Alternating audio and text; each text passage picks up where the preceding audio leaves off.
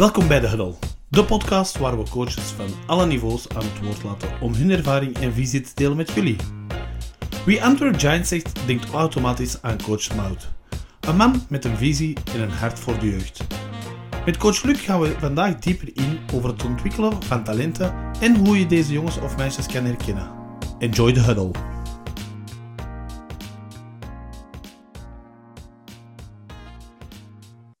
Hey coaches, welkom bij een nieuwe aflevering van de Huddle, aflevering 21 ondertussen. En vandaag gaan we opnieuw met een, uh, zo mag ik wel zeggen, een Antwerps monument ondertussen, die ondanks een kleine uitspaai naar uh, Philo Oostende terug thuis is. Hè? Dag coach Luc. Goedemiddag. Alles goed met u? Tot hiertoe wel, ja.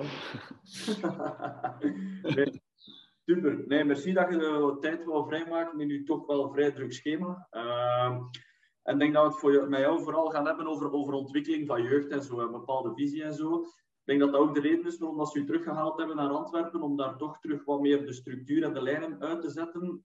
Wat is, wat is de voornaamste rol die, die, die, die jij nu hebt? Oh, dat is een beetje tweezijdig. Het eerste is uh, het begeleiden van de tweede ploeg, die in derde klas speelt, in combinatie met min 21. Mm. En het tweede deel is de jeugdcoördinatie. Uh, door omstandigheden is de vorige jeugdcoördinator heeft die, uh, is die weggegaan en uh, hebben ze terug aan mij gevraagd voor dat terug over te nemen. ja, dus daar zijn ik dus ook terug mee bezig. En sinds deze week ook terug assistant coach bij deze ploeg. Dus het is nogal vrij druk.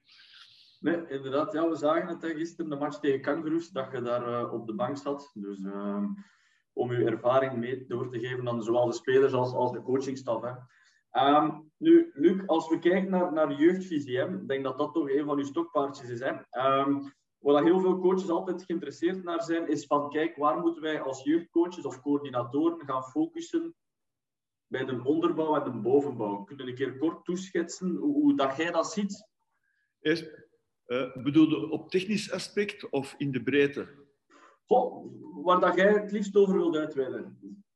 Oh, ik vind eerst en vooral, laten we zeggen, binnen Antwerpen, binnen Giants, ben ik een voorstander van. En de mensen die dat doen, bij ons in de club doen dat zeer goed. Dus uh, de lage borden, zoals wij dat noemen, mm -hmm. uh, recruteren wij vooral uh, via scholen. en proberen wij een hele grote onderbouw te krijgen. die onderbouw proberen wij fundamenteel beter te maken. Uh, zodanig als die bij min 14, min 16 komen, dat die uh, fundamenteel min of meer uh, geschoold zijn. wij zoeken ook bij kleinere clubs, niet direct bij grote clubs. ik vind dat nogal dom van bijvoorbeeld, iets, bij Willebroek of bij, bij Mechelen of, of bij Oostende een speler te gaan weghalen die er al zit, denk ik dat hij weinig nut heeft. Mm -hmm. uh, maar een talent dat in een kleinere club zit, uh, zoals bijvoorbeeld in het verleden een Thomas Akiazili die bij Eligio zat, uh, een, een, een, Ordan die bij Nieuw-Brabo zat, Andy van Vliet die van Capelle kwam. Dat zijn een aantal spelers die wij zoeken en die wij proberen mee op te leiden. Maar de nadruk ligt daar vooral op 14 jaar. 14, 15 jaar. Omdat ik ondervonden heb dat uh, veel van die spelers fundamenteel ofwel verkeerd zijn aangeleerd, mm -hmm. ofwel zo'n achterstand hebben, dat dat zeer moeilijk is in te halen. Mm -hmm. uh, het grootste probleem in, voor mij bij jeugd, dat is de bedoeling van Antwerp Giants, is tweederzijds ons bestuur wil dat wij de jeugd een kans geven voor te leren basketballen. En in de breedte. Mm En daarbuiten willen ze ook een aantal spelers naar de eerste ploeg brengen. Nu, dat is niet gemakkelijk. Uh, we proberen daar hard aan te werken. Maar er zijn toch wel een aantal hinderpalen op de weg naar uh, eerste klas. Het meest voorname vind ik uh, laat mij anders stellen. Waarom pakken wij zes Amerikanen? Of waarom pakken de meeste ploegen zes Amerikanen? Wat kunnen die Amerikanen beter als wij? Dan de eerste die ze gewoonlijk nemen, dat is lengte. Mm. Ja, dat is er natuurlijk niet in Dent. Ja? Uh, wij zijn een volk van een meter 80 tot een meter 95. Als wij iemand hebben van 2 meter, dan is het al een grote feest. En als wij iemand hebben van 2 meter en 10, dan schieten wij vuurwerk af. Dus in principe zijn we daar min of meer verplicht van uh, te gaan recruteren. Het tweede is, wij pakken spelers die kunnen shotten. En daar begint bij mij een beetje een, uh, de vraagstelling, waarom kunnen onze Belgen niet shotten? In het verleden zijn er een aantal spelers geweest die enkel en alleen omdat ze zeer goed konden shotten, een zeer mooie carrière hebben uitgebouwd in eerste klas. Bijvoorbeeld Thomas Drezen uh, was in, in, in die tijd was hij een pure shotter, maar dat was niet een absolute topverdediger. Of, die kon shotten en op basis van dat shotten heeft hij een zeer mooie carrière uitgebouwd. Dus ik denk als wij met onze jeugd uh, voldoende tijd steken in die shooting, dat we daar ook grote stappen vooruit kunnen maken. En dan uh, de derde mogelijkheid is één tegen één spelen. Daar pakken wij ook veel buitenlanders voor, voor creativiteit. Dat is iets dat wij volgens mij ook voor een groot gedeelte kunnen aanleren. Ik denk dat we daar te weinig, uh, dat daar de onderbouw veel te weinig op uh, gefocust is. Hè. We hebben dat een paar weken geleden ook weer al gezegd, is dat, dat wij een, een, bij de onderbouw heel veel focus leggen op pas en go, pas en snijden en veel minder op die 1 tegen 1. Dus ik ben er volledig mee akkoord van, uh, dat we er op deze moment heel veel buitenlanders voor pakken voor die one-on-one acties. Terwijl dat we dat eigenlijk zelf als jeugdcoaches kunnen gaan aanleren hè, en veel meer nadruk op moeten kunnen leggen. Hè. Het is een beetje, ja, je kip in het ei. Hè. Uh, wat ga je doen, wat ga je niet doen? Uh, wij proberen een beetje de twee te combineren. -hmm. ik probeer dat in drills zodanig te vormen dat wij zowel beweging hebben weg van de bal als in de 1 tegen 1 situatie. Dat is niet altijd gemakkelijk. Uh, ik probeer daar constant uh, via allerlei wegen aan te geraken. En dat kan soms zijn via clinics uh, van overal. Dat kan via YouTube zijn. Maar evengoed uh, zie ik filmpjes op TikTok van Drew Hanlon en van DJ Sackman. Voor daar toch maar is iets uithalen wat misschien wel nuttig zou kunnen zijn. Je kunt dat allemaal niet gebruiken, je moet er een beetje uit filteren. Mm -hmm. Maar ik ben nog altijd constant bezig met methodes te zoeken van op welke manier kan je dat aanleren?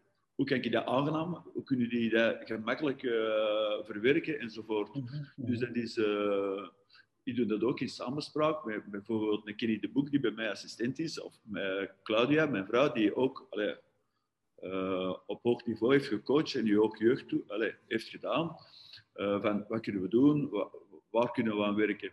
Maar dat is dus een, een, ja, een werk van lange adem. Hè. Het, het grootste probleem vind ik eigenlijk uh, shooting, omdat veel van die kleine jongens die shotten, en die shotten technisch niet verantwoord. wat wil ik daarmee zeggen? Die komen... Die, maar niet, een Benjamin die wil drie punters gaan shotten. Wat gebeurt er? Omdat hij niet krachtig genoeg is, begint hij met twee handen te duwen. Mm. Als hij dan 14 of 15 jaar is, dan zie je dus dat hij zijn niet-shothand altijd meedraait van, dat, van die kracht te zetten. Wat een effect geeft aan die bal, zodanig dat de shot niet constant is.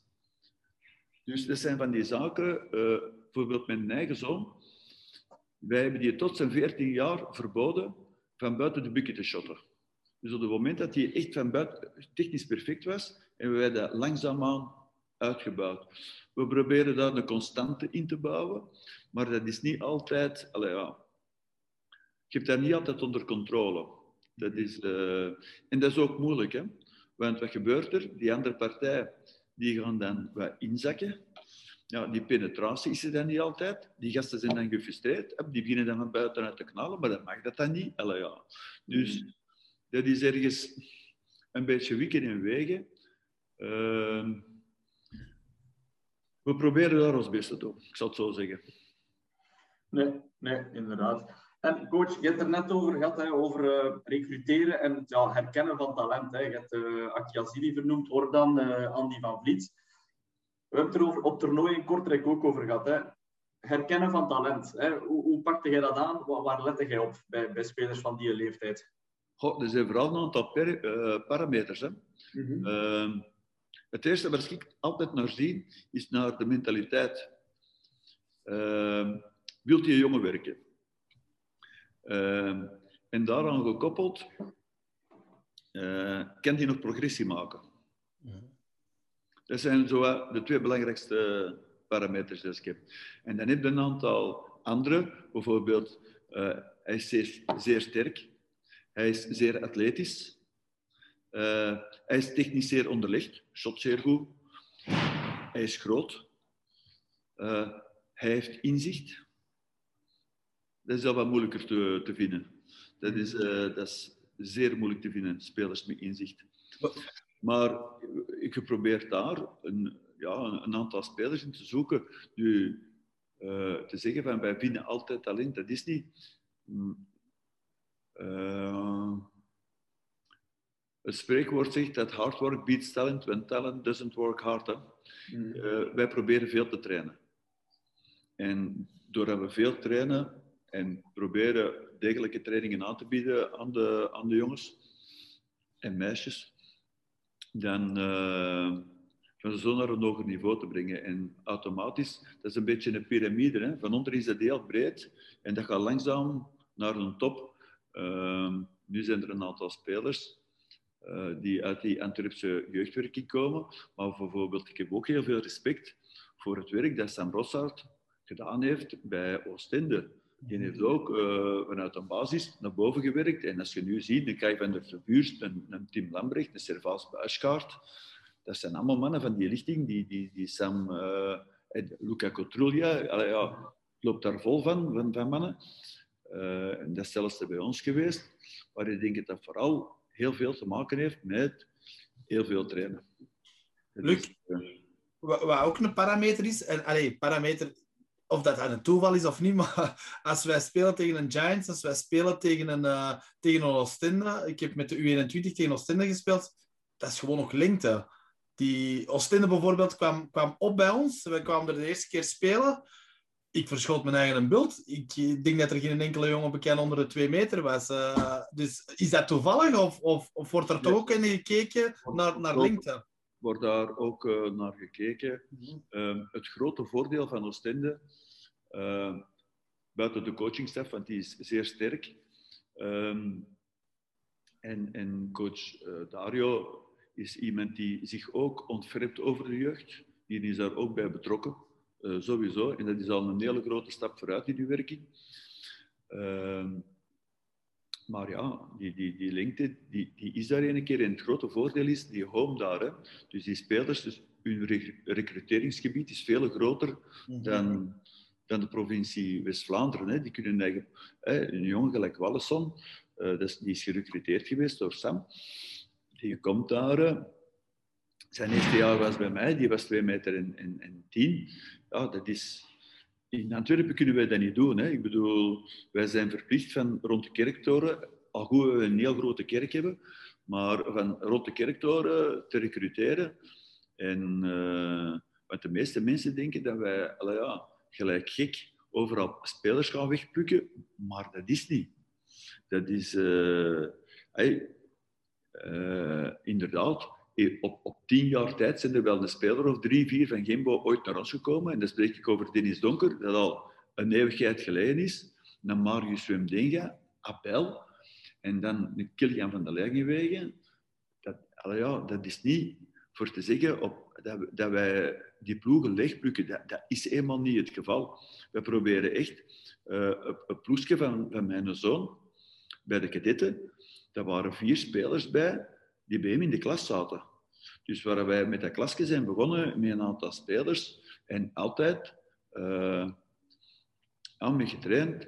Uh, en ik vind dat wel belangrijk. Wij proberen wel coaches naar ons te halen waarvan wij van overtuigd zijn dat die in dezelfde lijn willen werken waarin wij denken. Ik denk dat dat heel belangrijk is, dat je op elke lijn een coach hebt die een, een bijdrage kan hebben.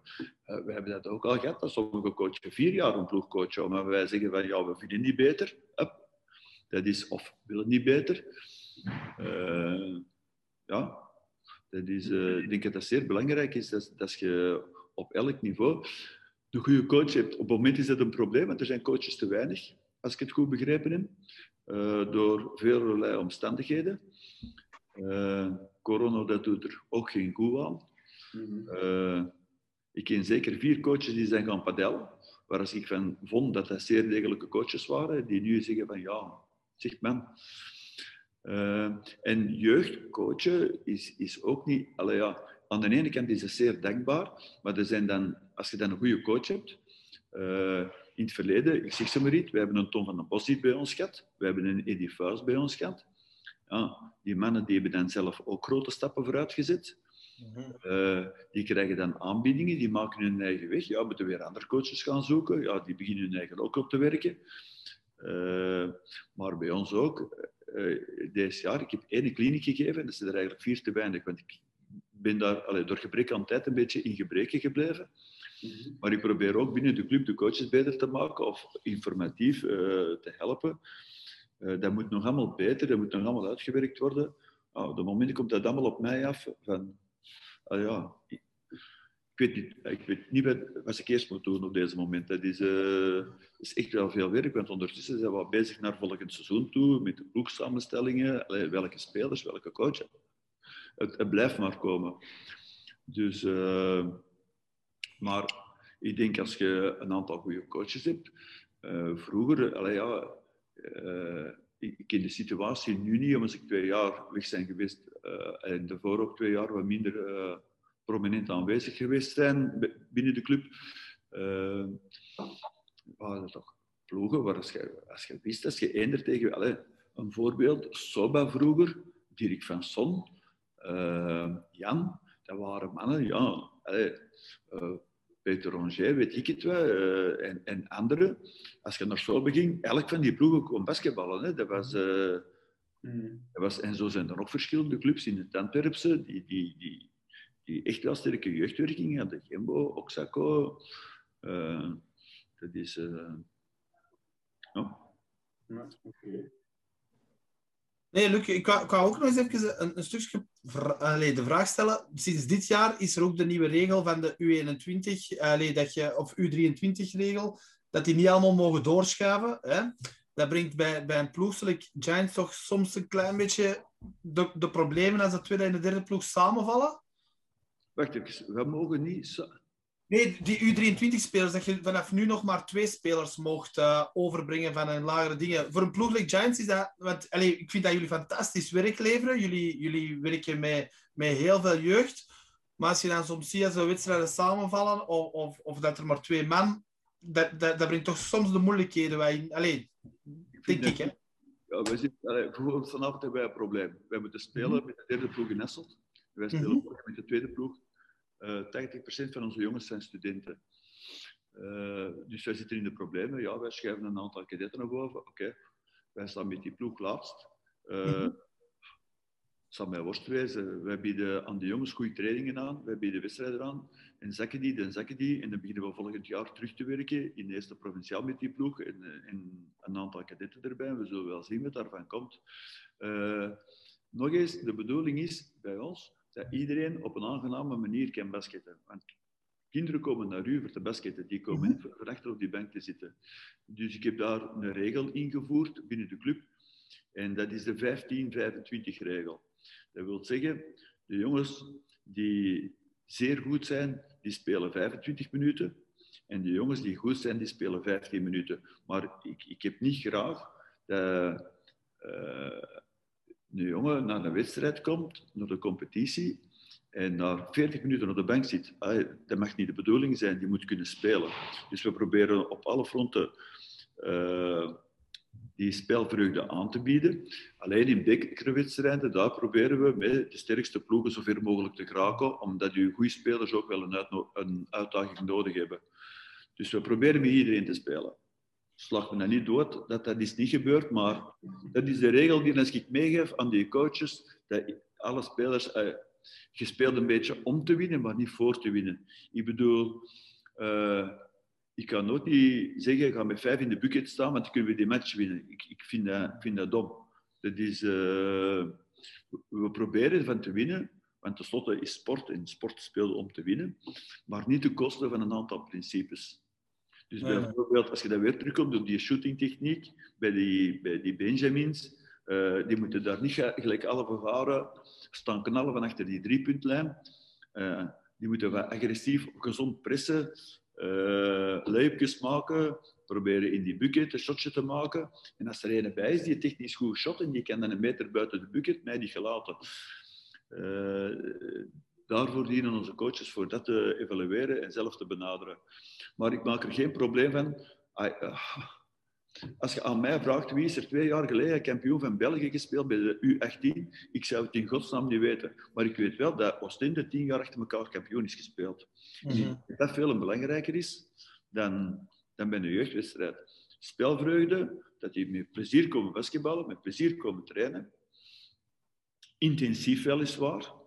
En dat de bedoeling is dat die op een bepaald moment ja, op een bepaald moment gaan die jongens voor de harde waarheid komen dat ze ofwel niet goed genoeg zijn voor het niveau dat ze voor ogen hadden. Dus uh, als die 12 jaar zijn, gaan die allemaal bij de Lakers spelen. Als die 14 jaar zijn, gaan die bij Panathinaikos spelen. Als die 16 jaar spelen bij Oostende en als die 18 jaar zijn, dan beginnen die na te denken. Is het eerste klas of tweede klas? En als ze 20 jaar zijn, dan komen die tot de constatatie dat de eerste landelijke is. Pas op, een zeer goed niveau is. Mm het belangrijkste vind ik dan, dat die jongen niet buiten stapt, dat hij op het niveau dat zijn talenten vertegenwoordiger goed kan meespelen. Dat hij fundamenteel zodanig geschoold is dat hij binnen zijn talenten uh, kan spelen. Uh, ik vind ook trouwens dat studies belangrijker zijn dan basketbal.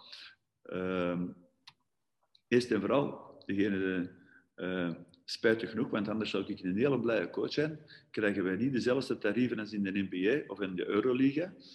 Uh, dat is nu een keer niet. Uh, wij hebben uitzonderingen, een paar Belgische spelers, maar dat zijn er een stuk of vijf op, uh, op 100.000 die op hoog niveau zitten. En zelfs dan nog. dus ik denk de combinatie van diploma en basket, dat dat mogelijk is. Dat duurt alleen een beetje langer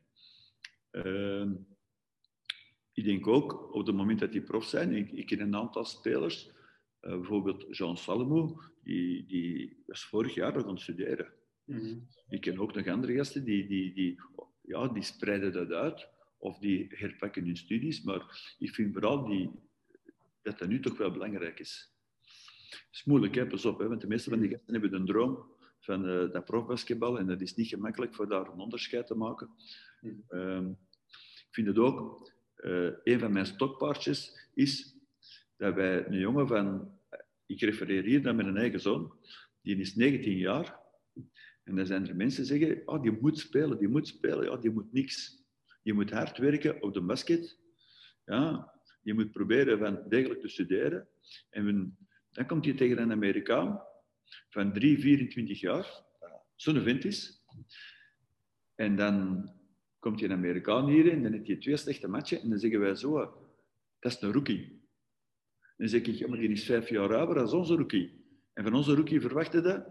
Mm -hmm. Verstaan Dus ik vind dat we een beetje geduld moeten hebben. En ik denk dat daar ook eens een discussie moet geopend worden van hoe we dat kunnen opvangen tussen die 19 jaar en die 2, 23 jaar. Hoe we daar ergens iets, kunnen vinden dat we die spelers toch niet direct kwijt zijn, uh, dat die verder kunnen ontwikkelen. Alleen, uh, over laatst een, een, een podcastgast waar dat de coach eigenlijk oppert over meer uh, speelminuten bij jeugd, maar ik denk sowieso ook wat jij nu zegt, die 19 tot 20-jarigen, die moeten, die moeten spelen, hè? die moeten wedstrijdritme opdoen. En oké, je hebt gelijk, hè, die, moeten, die moeten hun kans afwachten. En zoals je zegt, die moet juist niks. Maar wat je wel moet, en bij u heeft hij dat bij de tweede ploeg, die moeten wel kunnen basketten. En daar, allee, daar gaan die alleen maar beter van worden, van wedstrijden te spelen. Ook. Ja. Uh, ja, ik heb... Uh, ik ga al een paar jaar naar het toernooi van Kortrijk. Uh, en over een paar jaar heb ik daar kennis leren maken, uh, gemaakt met de coach van Alba Berlijn. Nu, door omstandigheden heb ik de kliniek gezien van Aito Renesis over een opbouw bij Berlijn. En met hem over aan het spreken geweest. Die hebben dus drie ploegen, min 14, min 16, min 19, dat jeugd is. En die houden die spelers daar. Vanaf het die 19 jaar zijn, dan gaan die spelen, allez, een deel, degenen die het waard zijn, naar een derde klasse ploeg. Die derde, dat is tot 23 jaar. En vanaf 23 jaar leren ze die uit. Degenen die niet goed genoeg zijn en degenen die top zijn, die mogen naar ABBA. Dat is een beetje de grote richtlijn. Uh, het knappe daaraan is dat die een vorm van een contract hebben. Verstaan we? Dus die doen die opleiding, die hebben dat contract en nu zijn die drie, ik zeg maar niet, die hebben een contract tot 25 jaar. Dus die club leent die uit, die krijgt daar een bedrag voor terug van die andere eerste klasser of van een tweede klasser. Zodanig dat dat... Daar is bij ons een klein probleempje. Hè? Want wij leiden spelers op. En uh, die, uh, wij werken daarbij al onze coaches aan, gelijk gek.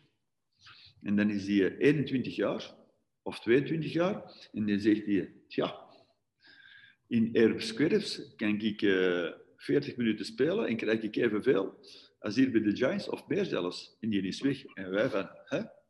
Uh, dus daar zou, ik denk dat daar voor de bond uh, iets is waar het toch eens over zou moeten gepraat worden. En als ik het goed begrepen heb, een van ons bestuur, Erik Mazuur, heeft daar iets over uitgewerkt, maar ik weet niet juist hoe ver dat, staat. Ik weet dat ze ermee bezig zijn, hoe het, hoe het dat juist zit, dat weet ik niet. Maar ik denk dat we daar toch wel eens, het daar wel eens over moet gesproken worden. Voor toch meer Belgische spelers uh, in uh, eerste klas te krijgen. Weet je, ik spreek nu over lang terug, maar bijvoorbeeld als vroeger, had daar Pieter Lorendon, waar iedereen zei, de Pieter hier en de Pieter daar, iedereen kende Pieter. Mensen kwamen kijken naar Pieter. Maar in dezelfde ploeg speelden ook, als ik mijn eigen niet vergis, ik kan verkeerd zijn, Darren Queenen. Hmm. En iedereen ging kijken naar Darren Queenen. Dus een top-Amerikaan en een goede Belg. Ik vind dat hè, bij Antwerpen, toen coach, uh, coach hier was, uh, hadden wij Michael Juger, wij hadden Roger Huggins en Louis Rowe. Dat waren, uh, Roger was een Engelsman, waren drie sterke buitenlanders. Ze kwamen daar naar kijken, maar ze kwamen ook kijken naar een Yves Dupont. Iedereen kende Yves Dupont. Iedereen kende Herbert Baart, Pat Lauwers, uh, Pieter van Hoeken uh, enzovoort. Maar daar zaten jongens op de bank, de Vincent Vermeijden, dat mensen uit, ja, Pieter was nu van, Sydney, uh, van maar Vincent die was, die was van hier, van achter de hoek. Yves was van achter de hoek. Mensen kenden die. Uh, iedereen kende uh, vroeger Jean-Marc. Mm Dat was een bepaalde eigenheid. En ik denk dat dat belangrijk is, dat, dat mensen komen kijken als ze een bepaalde eigenheid hebben. Het mm staat me nog altijd voor. Ik weet dat, ik ken er niet veel van, maar ik weet bij de voetbal dat Beveren over x aantal jaren daar tien uh, Cameroeners had. Of, ja, ik, ik, weet zelfs niet meer wat. Ja, Ivorianen of Ivorianen. En iedereen ging er naar kijken, want die speelde goed. Maar op het moment dat die begonnen te verliezen, dan was, uh, zeiden daar geen kat meer in de stadion. Mm. ik denk dat de supporters zijn geïdentificeerd uh, met, met, ja, met, met de plaatselijke held. Hè. Uh, ik denk dat veel mensen ook wel vorig jaar is naar, naar een Frans Blijenberg kwamen kijken. Naar een Thomas Akiazili ervoor. Dat zijn uh, een Doria Marchand. Dat is... dat, waren mensen van hier, iedereen kende die, ah, die van achter de hoek. Dus uh, nu hebben we hier de tweede ridders rondlopen. Uh, dat is een Denis Zonker, een Jean-Marc. Ja, dat je dan in de goede richting te gaan. Hè. Dat is... Uh... Ja, dat denk ik dat een Antwerp Giants heel goed in bezig is. Hè. Je kunt u, als ik nou kijk, gisteravond ook, hè, je kunt u er echt mee identificeren. Hè. Je ziet die tweede ridders, je ziet Rogiers, je ziet een donker, Niels van den Einde. Allee, dat is leuk om te zien als, als, als basketter, dat we niet alleen, hè, zoals je het voorbeeld van, van Beveren aanhaalt, gewoon naar een groep Amerikanen. Dat is leuk als je wint. En als je verliest, ja, dan zijn dat supporter ook al heel snel. Ja, maar ja, dat is niet van ons En, en je merkt ook bijvoorbeeld dat die jongens, die van ons, allez, als we ze zo moeten noemen, als die verliezen, dat die hun dat ook aantrekken. En, en dat merkte ook echt, die, die geven hun ervoor. Dat is echt, ja... Ik denk dat de, de supporter de dag van vandaag uh, zich slim genoeg is voor zich bij het neer te leggen als je verliest. Mm -hmm. Of voorwaarden als je bij je zit. Want dat, is, dat is sport. Sport dat wil zeggen, ja, je zit met twee ploegen en een van de twee gaat verliezen. In basket toch. Dus ja, maar dat wil niet zeggen, uh, als ik morgen naar tennis kijk en ik zie Djokovic spelen tegen Federer, dat zijn twee toppers, maar op het einde van de rit gaat er winnen. Wil dat dan zeggen dat een andere slecht was? Nee. Dat wil zeggen dat die ene dag die ene iets beter was dan een andere. Basketbal is dat ook zo. Dus dat verwachtingspatroon... elke supporter wil dat, dat zijn club alle wedstrijden achter elkaar wint. Mhm. Uh, maar dat is spijtig genoeg allee, ja, niet altijd het geval. Dus in die context allee, denk ik ook wel dat het weer al belangrijk is als je die, die, die enkele personen hebt waar je van zegt van oh, die, hey, dat is zo. Uh, ik ben absoluut niet tegen buitenlanders, maar het zou echt wel knap zijn dat we drie of vier buitenlanders hadden en dan een aantal Belgen. Dat zou wel echt wel. Uh, ik denk ook dat basketbal op internationaal niveau, en pas op, we zijn zeer goed bezig. Uh, eerst Eddie Casteels die daar uh, een opbouw heeft gegeven, nu Dario die daar met die ploeg verder werkt, ons nationale ploeg, dan mogen we wel u tegen zeggen. Dus is hopen dat dat nog beter kan. Mm. Als je ziet dat Slovenië met een beperkte. ik denk dat Slovenië niet groter is ik ben niet zo sterk in uh, aardrijkskunde.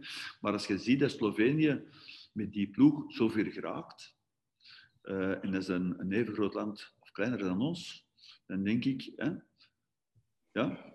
Tuurlijk, tuurlijk. wat maakt het verschil tussen een, een topspeler en een middenmootspeler, coach? want als we dan toch willen, willen gaan spelen met meer Belgen, hebben we iets meer toppers nodig dan een middenmoot. Wat is voor u dat, dat verschil, ik denk dat ik dat een beetje weet. Hard work pays off. Ja, alleszins. Hè. Uh, Ik denk een beetje dat de combinatie van de twee moet zijn. Als je een bepaalde vorm van talent moet hebben, uh, maar als je ook hard moet werken. Uh, wat is een topspeler en wat is geen topspeler? Ik denk dat daar veel heeft mee te maken met met de speler zelf en met de begeleiding daar rond. Mhm. Ehm, ik denk dat er te veel, te rap wordt verwacht van bepaalde spelers, in plaats van rustig te blijven opbouwen. Dat is één. En mhm. twee, uh, het, voor alle coaches, uh, deze is een zeer goede aanrader. De Black Mamba, het boek van Kobe is echt wel knap voor te zien met welke mentaliteit hij traint. Hoe, het, uh, hoe hij in elkaar zit. Dat hij zelfs op, op zijn laatste jaren in de, in, in de NBA nog altijd bezig was met zichzelf te verbeteren. Met nog altijd door Michael Jordan te bellen en te vragen: wat vind jij van dat? Of hoe kan ik dat doen? Uh, laat ons zeggen dat hij op dat moment bij de tien beste spelers in de wereld was. We zullen het bescheiden houden voor hem dat hij er toch nog elke dag mee bezig was. Uh, als je ziet naar de Euroliga, dan zijn er toch weinig spelers onder de 26 jaar. Dus dat wil ook zeggen dat al die andere spelers uh, die ouder zijn, hun lichaam verzorgen, daarmee bezig zijn, blijven werken. Ik denk vooral de factor geduld. En ik denk dat we daar een beetje een probleem hebben. Eh, ik heb dat er juist al aangehaald. Uh, jongen wordt 20 of 21 jaar. En, en wij nu juist niet goed genoeg of nog niet goed genoeg voor die eerste ploeg, ploeg voor een aantal vaste minuten in te vullen. Uh, en dan, ja, dan komt daar uh, een, een, een, werk bij. En dan is dan tweede klas is dan een dikke meneer voor te spelen. Gaat hij in tweede klas spelen. Maar ik denk dat de stap van tweede klas na een aantal jaar naar eerste klas terug, dat dat moeilijk is. Dus uh, ik zeg niet onmogelijk, Uh, want bijvoorbeeld een jongen gelijk Nick Celis heeft dat vorig jaar gedaan, dacht ik, bij, bij Kangaroos. Mm maar dat is eerder uitzondering dan regel. Dus ja, ik denk gewoon op een constante manier blijven werken. En je moet ook een beetje een, een geluk hebben. Hè. Wie was dat nu weer? ah ja, het, het schoonste verhaal, als ik daarvan ken, is Jean Salomo, die uh, niet goed genoeg was voor Oostende, naar Oudenaarde gaan. Er is daar een blessure. Salomo komt terug. Is er nooit meer, nooit meer uit geweest. Mm -hmm. uh, er waren nog zo spelers die, die, die ergens... Ja, dus die, dat, dat is wel. Maar ik denk vooral de begeleiding en, en het werken de dag van vandaag. Topsport is niet meer alleen de balken de, door erin gooien. Topsport heeft te maken met rust, met voeding, met uh, conditietraining, met krachttraining. Daar komt heel veel bij kijken. Uh, als, je, als je die spelers ziet, uh, ja, dat is dat zijn atleten geworden. Hè? Of, of, of, op zijn minst sterke spelers. Want niet iedereen is een atleet, maar je kunt wel sterk worden. Hè? Mhm. Dus uh, dat is veel training en veel werken. Uh, dan is dat ook weer, die periode is langer. En dan in de combinatie met onze studies, die van hoog niveau zijn in België, hebben we maar een beperkte tijd. Wij trainen nu uh, elke avond een uur, drie kwart tot twee uur. En ik doe drie keer in de morgen shooting voor degenen die vrij zijn. Allez, of, of één tegen één die uh, vrij zijn van, van school. Soms is dat één man, soms is dat vier man, soms is dat vijf man. Dus wij proberen na die middelbare school toch nog uh, te zorgen dat die spelers op, op, op, niveau te blijven werken. Mm Ik denk bijvoorbeeld ook dat dat een probleem is van de topsportschool. Die jongens zijn 18 jaar, die, die trainen dagelijks op, op hun aantal uh, basketuren en hun kracht. En dan komen die in ene keer, ja, nu zijn die van de topsportschool, en wat nu? Ja, dan vallen die in ene keer op hun 18 jaar terug naar, uh, als die van tweede klas zijn, naar drie of vier keren trainen. Ja, dat, dat is niet hetzelfde als die 20 uur van de topsportschool. Mm -hmm. dus, en op die moment zijn die volgens mij ook nog niet uh, rijp voor in de eerste klas mee te draaien. Er moet dus nog een aantal jaren gewerkt worden. Uh, dan zeggen ze, ja, die mannen moeten profferen. Ja. Dat zal dan waarschijnlijk in Roemenië moeten zijn, of in Tsjechië. Want hier, ja, al die eerste klassers gaan, gaan geen profcontract geven aan een gast van 18 jaar die nog niks bewezen heeft. Ja, dat, dat, dat, schijnt mij vrij logisch te zijn. Dus uh, ik denk het daar, nog eens, ik denk dat die contracten en die opleiding tussen die vanaf 19 tot 23 jaar dat daar echt wel iets moet gedaan worden. Uh, ik, ik, ben altijd een beetje een voorstander geweest van de BDL. Dus niet spelen uh, in uh, nationale, in derde of in tweede, maar dus met je topjeugd spelen tot je 22 jaar voor de eerste ploeg. Ik denk dat dat echt wel knap kan zijn, omdat je dan een goede relatie hebt tussen het eerste ploeg en je jeugd. Het probleem is natuurlijk in heel die situatie dat elke club moet meedoen. Hè? Mm ja. In eerste klassers moeten kunnen zeggen van hier zijn we. Uh, ik ben ooit eens naar de kliniek geweest in Barcelona. Ik, uh, ik heb een paar klinieks gedaan en ik heb daar het genoegen gehad van, uh, met de coachingstaf van uh, Real Madrid aan tafel te zitten. En met de mensen van Barcelona. En die vroegen aan mij, hoeveel spelers heb jij in Antwerpen? En ik volg vierheid, ja, 200, allez, pak, pak 300 spelers. Een beetje overdrijven voor een goede indruk te maken. Tegen goal, ja, 5000. Dan denk je bij mijn eigen, ja, wat En als je dan vraagt, hoe zit dat in elkaar? Dan zeggen die, ja, alle clubs in de buurt, als die een goede hebben, zijn die blij die naar, uh, naar Barcelona of naar Real Madrid mee gaan. Ja als wij een goede zien en we moeten die gaan vragen bij een andere club, dan moeten we zeer voorzichtig zijn. Mm. Dat is, uh, dus daar is ook nog, er is ook nog wel, denk dat we ook beter kunnen samenwerken binnen het Antwerps of zelfs binnen België met een aantal clubs voor mm-hmm. basketbal te blijven promoten. Uh, ik denk wederom dat iedereen voor zijn eigen deur veegt en waarschijnlijk wij ook. Uh, maar dat is, dat, is, ook zoiets uh, waar we eens over moeten nadenken, waar we elkaar kunnen helpen, in plaats van, ja, elkaar de roef af te steken. Dat is... Dat is zo. Dat is niet moeilijk, maar dat is natuurlijk heel gemakkelijk gezegd, maar dat is heel moeilijk gedaan, vrees ik. Uh, ik, ik, ik, heb, allez, ik moet eerlijk zijn, ik heb mij er ook al suf over gepiekerd van, van hoe kunnen we dat doen. Uh, Eddie is bij mij assistent geweest, ik heb er lang mee gepraat uh, over zoiets. Bijvoorbeeld, ik zeg ze maar niet, een goede speler bij Oxaco van 14 jaar, of twee goede, we steken die bij ons voor de opleiding. En als ze bij ons junior af zijn, en het zijn goede spelers, sturen we ze naar Oxaco. Natuurlijk, als op die moment ploeg X komt en die geven 500 euro meer dan Oxaco, dan zegt hij, kon ik niet naar Oxaco? Dan zegt Oxaco, ja, maar we hebben twee goede spelers afgegeven. Begrijpelijk ook, hè.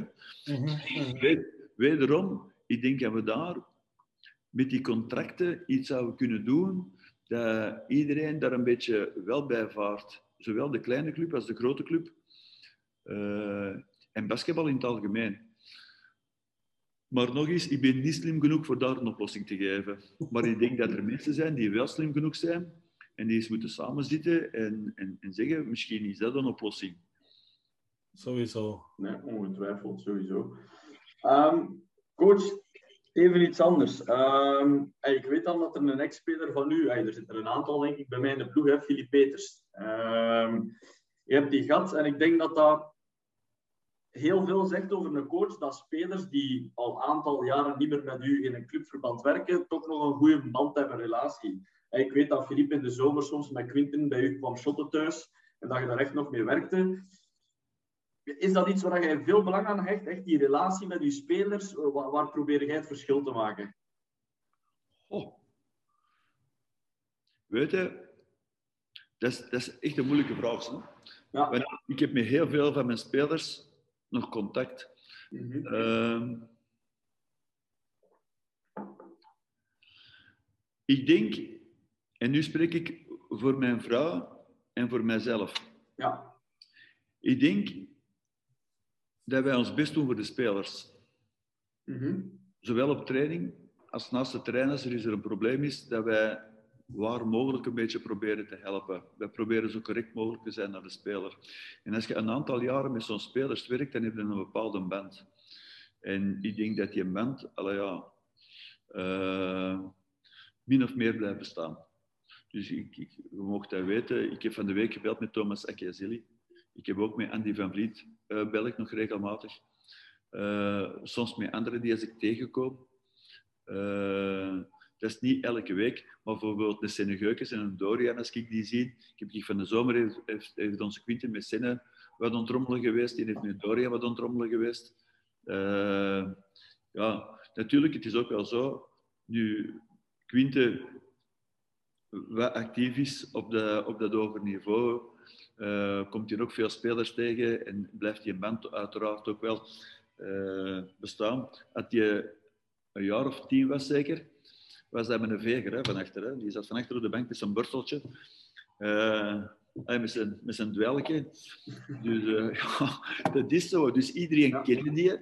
Ja, dus die spelers zijn wat nu ouder, maar ja, die kennen onze punten. Ja, die beginnen te basketballen. Dus in die context is dat wel plezant. Maar ik, allee, ja, ik vind als je... Ja,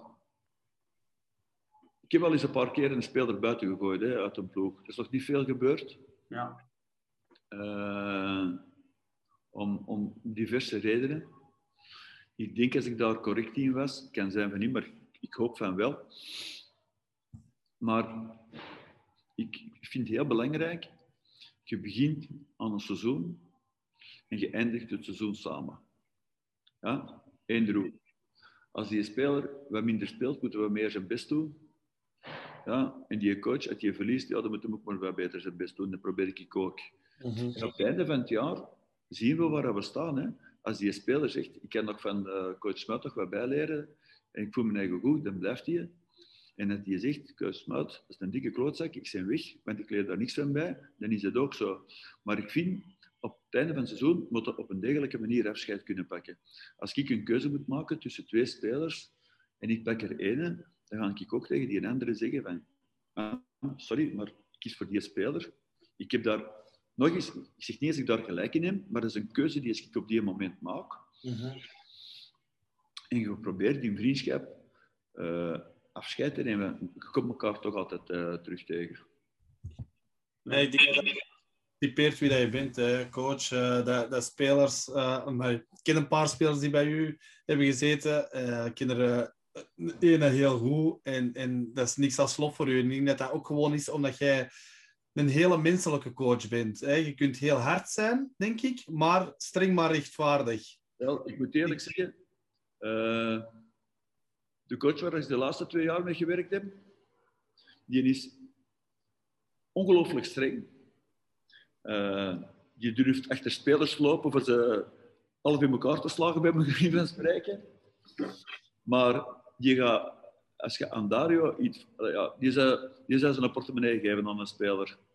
Hmm. En als je in de zomer komt in Oostende, dan zijn je verbaasd welke spelers dat er allemaal een balken komen gooien. Uh, ik, uh, ik denk in profbasketbal, dus zoals op een werk, uh, als je voor elkaar zorgt, dan is het aangenamer van te werken. Mm En je moet niet iedereen, ik vraag niet aan alle spelers voor elkaar of mij een knuffel te komen geven, in de verste verte niet. Maar als er eens een probleem heeft van die niet helpen, dat is maar een kleinigheidje. En ik denk ook dat uh, de ploeg een beetje typeert. Je hebt zo altijd een aantal spelers die, uh, die zorgen dat die ploeg wel... Ze zeggen dat altijd, hè, je kleedkamer. Je moet altijd een paar spelers hebben in je kleedkamer die een beetje het klappen van de zweep kennen. Hè. Mm dus, uh, en zo, ja, in het verleden hebben wij altijd zo wel een aantal mensen gehad binnen de club die, die, die ja, die uh, Michael in de tijd, die, die, uh, die zorgde dat de kleedkamer in orde was. Hè. Dat, is, dat dat allemaal rustig blijft en kalm blijft. En als er iets met een probleem was, dan kan je dat zeggen. En, en de coach lost dat op, hè. punt. Mm -hmm. ik, ik, denk dat dat, ja, je kunt niet er gelijk de hond staan blaffen, dag in, dag uit, drie jaar aan een stuk met dezelfde speel. ja, dat, dat gaat gewoon niet. Dat gaat gewoon niet. Nee. Dus ik denk, als, ja, ik vind wel als je bepaalde lijnen hebt, waar als je moet zeggen van, man, deze is wit, dat is zwart. Ja, dat is basketbal. Daar is niet, uh, niet over te discussiëren. Bijvoorbeeld, uh, er zijn een aantal zaken bij mij. Ik spreek niet over jeugd, hè, want die hebben dat niet altijd in de hand, omdat die soms van vervoer afhangen van de papa en van de openbaar vervoer. Maar een prof, wees op tijd, zet uw eigen in, zij beleeft, vertegenwoordig uw club op een correcte manier. Dat zijn dingen waar je geen talent voor moet hebben, maar die wel, allee ja, dat is uh, niet onderhandelbaar. Mm -hmm. Dat, is, uh, dat, zijn zaken die, die, die, die evident zijn. Dat is, bij jeugd gaat dat wat minder. Nu ook. Ik heb jongens die zitten op de universiteit of hogeschool. Ja, als je te laat is, omdat die les hebben gehad tot zeven uur, en het is om zeven uur training, dan stuurt hij een berichtje en dan, dan weet je dat en dan is dat voor mij in orde. Dan kan ik er ook geen drama van maken van jij dit of jij dat. Je moet een beetje zien naar de omstandigheden. Je kunt niet verkopen van studies zijn belangrijk en dan in dezelfde moment zeggen je ze vijf minuten te laat door school en nu word je gestraft. Allee, ja, dat, dat gaat gewoon niet. Dus je moet daar een beetje voor zorgen, uh, vooral bij jongeren, kinderen, de, de sociale omstandigheden zijn niet voor iedereen dezelfde. Uh, sommigen hebben het geluk van uh, een perfecte thuis te hebben. Anderen die hebben iets minder geluk, hebben niet een perfecte thuis. En als, als coach en als club moeten we daar een beetje rekening mee, mee houden. Dat is... Uh, ah, ik zeg zomaar iets, het overlijden van iemand of zo, binnen, binnen uw familiekring of binnen uw gezin, dat, dat kan allee, voor zo'n voor zo'n kind een ongelooflijke klap zijn. Als club moet je er rekening mee houden en een beetje inkleden, zodanig dat, uh, dat je er op termijn doorkomt. Hè. Dat is uh, vooral bij, ik denk aan vooral aan de jongeren van, van 13, 14 jaar. En trouwens ouder ook, of jonger. Mm -hmm. Nee, interessant. Coach, ja, het is uiteraard een podcast hè, voor, voor coaches. We hebben heel veel jonge coaches die kijken naar onze aflevering. Jij vanuit uw ervaring, kun jij misschien één tip meegeven aan jonge coaches? Ik kan er ineens een paar geven. het eerste is, eh, en ik spreek voor mijn eigen, hè. Ja. Kennis maakt macht. Mhm. Ehm, nu nog lees ik heel veel boeken, zie ik nog heel veel clips, zie ik nog, ik heb dat er juist ook al gehad, video's. Ik zie Euroliga, ik zie NBA, waar mogelijk. Eh, ik denk, hoe meer als je weet van basketbal, uh, des te beter. Dat is één. Twee, al die kennis overdragen op een speler, dat gaat niet. Dat is, je moet echt wel filteren en zien wat je speler uh, kan. Er zijn spelers waar als je... Ik heb spelers bij mij in die ploeg, ik lieg niet, die slimmer zijn dan ik op tactisch gebied. Die, die zeggen tegen mij, ja, we het zo of zo of zo doen, ja, je hebt gelijk, we gaan dat zo doen. Uh, er zijn er anderen waar als je één systeem moet spelen, geeft hij de bal en die gaat naar kent en die scoort en die pakt de bal terug af en die scoort weer. Dat is, uh, ziet een beetje met, met welk personeel als je zit. En bovenal, uh, als je werkt, uh, er zijn een aantal, ik, ik lees veel boeken hè, over basketbal, maar ook over andere sporten. De talentcode, Kobe, Jordan, al die boeken, al hetgeen is gelezen, ja, dat heeft één ding, komt er altijd terug uit. Die mensen werken de ziel uit hun lijf. Er is er geen ene die zegt van, ik ga vandaag eens vissen een hele week en een zaterdag ga ik er 30 maken. Dat is niet. Dus ik denk dat uh, de hoeveelheid training heel belangrijk is en de kwaliteit waar je ermee omspringt. En uh, er zijn een aantal zaken uh, waar ik vind dat wij België beter in kunnen worden. En geef eerlijk toe, ik werk er ook aan, maar niet voldoende. Uh, ik, denk als, allez, ja, ik denk als ik daar ook nog in kan verbeteren. Bijvoorbeeld boxing out. Ik denk als je aan elke coach vraagt van boxing out, dat de meesten een diepe zucht laten van mijn spelers. Twee, communicatie. Spreken in defense, dat is iets dat, ja, soms denk ik, ik werk met doofstommen, maar schijnbaar is dat niet. Dus dat is, ja, maar dat is zo, die spreken niet. Uh, ik, ik, ik, uh, ik hoor vandaag coach beginnen tegen de speler zeggen, hey, we moeten beter spreken. Dus dat is ook zo. Nu moeten we dus een aantal drills vinden, of een, voor te zorgen dat die spelers nog beter spreken dan nu het geval is. Of extra mensen erbij zetten die langs de zijlijn dat uh, benadrukken. Dus dat zijn een aantal zaken. En ik vind ook, uh, ik ben een beetje old school. Ik, ik ken spelers wurgen die floaters maken. Ik vind dat, ik vind dat goed, hè. Pas op. En Mike James dat doet, dat is goed, maar spijtig genoeg. Ik wou het, maar hebben geen Mike James in mijn ploeg lopen. Dus ik denk fundamenteel, laten we eerst fundamenteel heel hard werken. Uh, passen met de linkerhand, passen met de rechterhand, shotten, linkse lay-up, rechtse lay-up, dribbelen, uw man voorbij gaan. Uh, ik denk dat daar echt wel...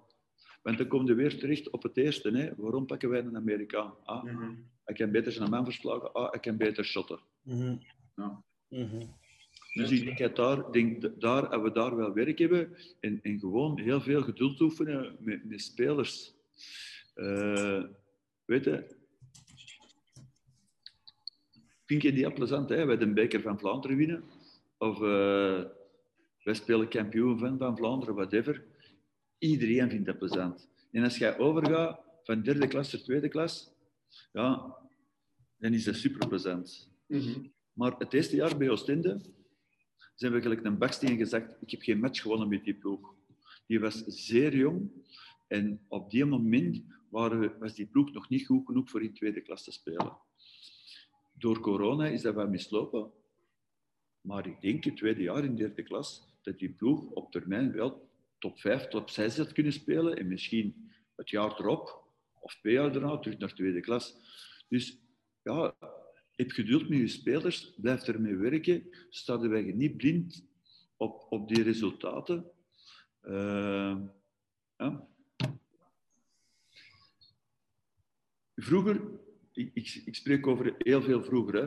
Mhm. Vroeger was Anderlecht de beste ploeg in België in de voetbal. Waarom? Omdat die altijd de beste spelers hadden, omdat ze eigenlijk iedereen overal wegkocht. Maar die tijd is voorbij. Die tijd is voorbij. Nu is het zo dat iedereen kan van iedereen winnen. Uh, ik, ja, ik zou, als je aan twintig mensen vraagt vorige week, wie gaat er winnen in de Euroliga? Basconia of Barcelona? Ik denk dat iedereen zou gezegd hebben Barcelona. Die krijgen daar 15 punten rond hun oren of zoiets. Ik geloof 90, 75 of zoiets. onverklaarbaar. Maar dat is nu een keer sport, hè?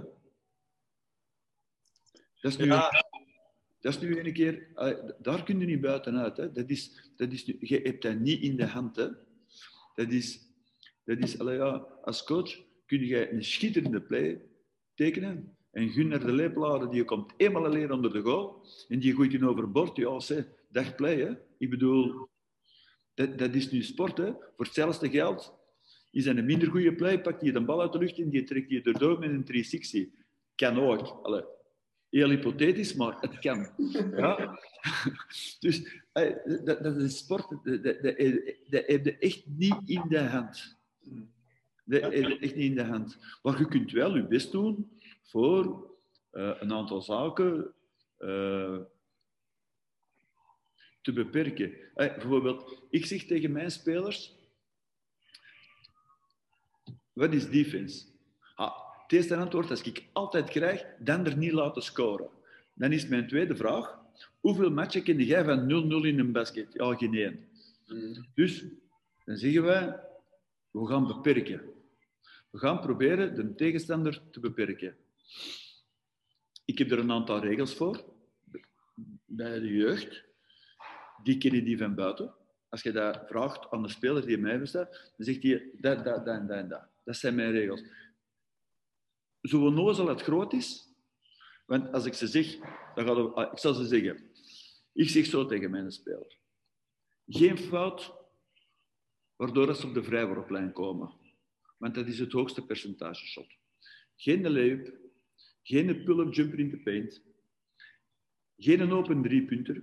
En waar we naar streven, is een pull-up jumper gecontesteerd in de perimeter. Daar werken we defensief naar. Oké? Dus, ik zeg zo maar niet, het is 2 tegen 1. Dus wat gaat je doen? Je gaat onder de basket staan, want je wilt geen layup geven. Je wilt niet dat, er, dat hij een fout maakt. Dus wat geeft hij? Een pull-up jumper. Wat voor mij beter is dan de layup en de vrijworplijn. Aanvallend ga ik het juist andersom doen. Wij gaan sprinten naar de overkant voor een layup te maken of voor een snelle fout te krijgen. Ja, of een pull-up jumper in de paint. En als we dan al 10 seconden niet hebben, dan gaan we proberen van te zoeken naar die open driepunter. Uh En in de laatste 8 seconden gaan we naar een shot gaan. Ja? Mm Zijn die regels, worden die altijd opgevolgd? Nee, want je hebt altijd wel de een of de andere kloot die moet shotten binnen de drie seconden. Maar ja, dat is coachen, dan probeer je dat uit te leggen van, en, en, en, te evalueren en, en zo voor te gaan. Maar ik heb zo een aantal regels. Ja, als je aan mij vraagt, als je bij mij aan de speler vraagt, wat zijn de belangrijkste regels in aanval? Spacing, timing, tempo. Ruimte maken, de ruimte aanvallen op het juiste moment tegen de aangepaste snelheid. Dus zo zijn er een aantal zaken en dan, ik probeer die gasten wel iets breder op te brengen, dat die een aantal concepten mee hebben waar ze weten waarover het gaat. Ja. Dat is zo... Ah, een, een ander ding, zone. Speelde zone met jeugd. Mm ik speel geen zone met jeugd. Leer de zone aan op de training? Ja, want anders kun je niet leren aanvallen tegen zone. Maar in principe speel ik geen zone. Dat gebeurt wel eens in derde klas. dat ik zoiets één of twee minuten naar zone gaan door omstandigheden. Ja? Maar in principe doe ik dat niet. Maar ik leer het wel aan, want als je het niet aanleert, ga je nooit niet weten hoe je er tegen moet aanvallen. Ja, klopt. Dus, dus we hebben dan, uh, binnen die principes, uh, ik denk dat de meeste coaches wel uh, van die principes zijn. ik heb ook al, on, ja, ik ben een zeer grote fan van coach Messina, omdat hij qua teaching zeer goede clinics geeft. Die zijn te vinden op YouTube. Mm -hmm. Ik ben een grote fan van Abradovic. dat is old school een beetje. Maar ik, uh, ik ben ook al een paar jaar Virginia aan het volgen, die over een enkele jaren terug zijn die NCAA-kampioen gespeeld met uh, en nog iets. Uh, van die goede basketbal speelde. Ik, als ik me eigenlijk niet vergis, was de finale tegen Texas Tech. die die één man-to-man defense speelde binnen de driepuntlijn. Virginia en dan er zeer agressief. Uh, er waren twee stijlen tegen elkaar. Ik vond het interessant voor eens te kijken. Uh, maar ik denk ook, uh, ik denk 15 of 20 jaar terug, een Amerikaan die naar hier kwam, die dacht bij zijn eigen, allee, ja, 25 jaar geleden, dan dacht hij, wat is dat hier? Hè? Maar ik denk ondertussen, vooral door de multimedia en door, door clinics en door boeken, dat wij echt wel grote stappen vooruit hebben gezet en dat hier ook wel zeer degelijke opleidingen zijn. Mm ik kan niet zeggen dat wij beter zijn dan Amerika, maar kan ook... Allee, de tijd als ik zei van Amerika, dat is het walala en wij kunnen niks, dat is niet meer waar. Wij hebben een aantal zeer goede coaches, uh, met alle respect, maar coach Castells, uh, hetgeen dat hij gedaan heeft bij de verschillende ploegen en, en bij de nationale ploeg, coach Sergia, uh, coach Rotsaert nu aan het doen is bij Charleroi, dat zijn, ja, mhm. die, die, implementeren jonge gasten, uh, zowel in het verleden als nu.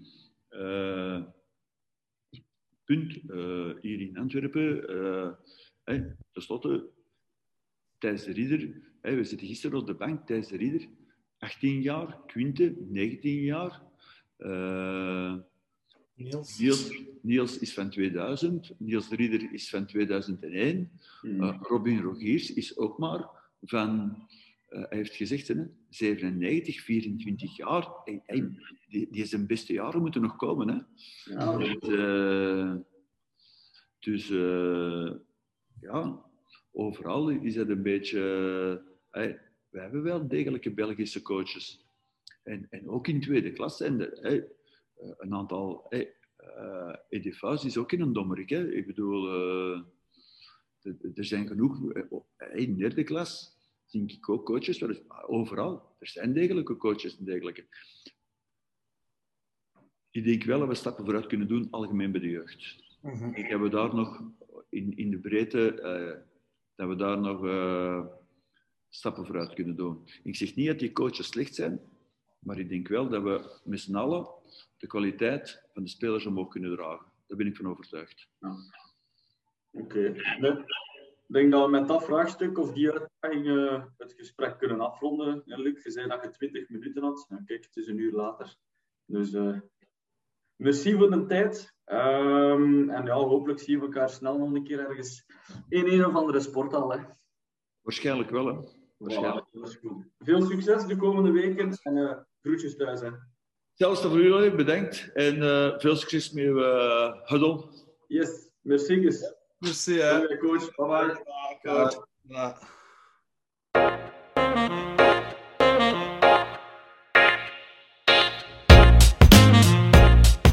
Bedankt om te luisteren naar de Huddle. Elke week nodigen wij coaches uit om hun visie over basketbal en coaching te delen met jullie. Op die manier kunnen coaches hun filosofie verruimen. Toen we enkele weken geleden aan jullie de vraag stelden wie moet er in de huddle komen, kwam er één naam meermaals naar voren. Jurik Michiels. Wil je de podcast met de bezieler van IE zeker niet missen? Like dan zeker onze pagina op sociale media. Tot volgende week.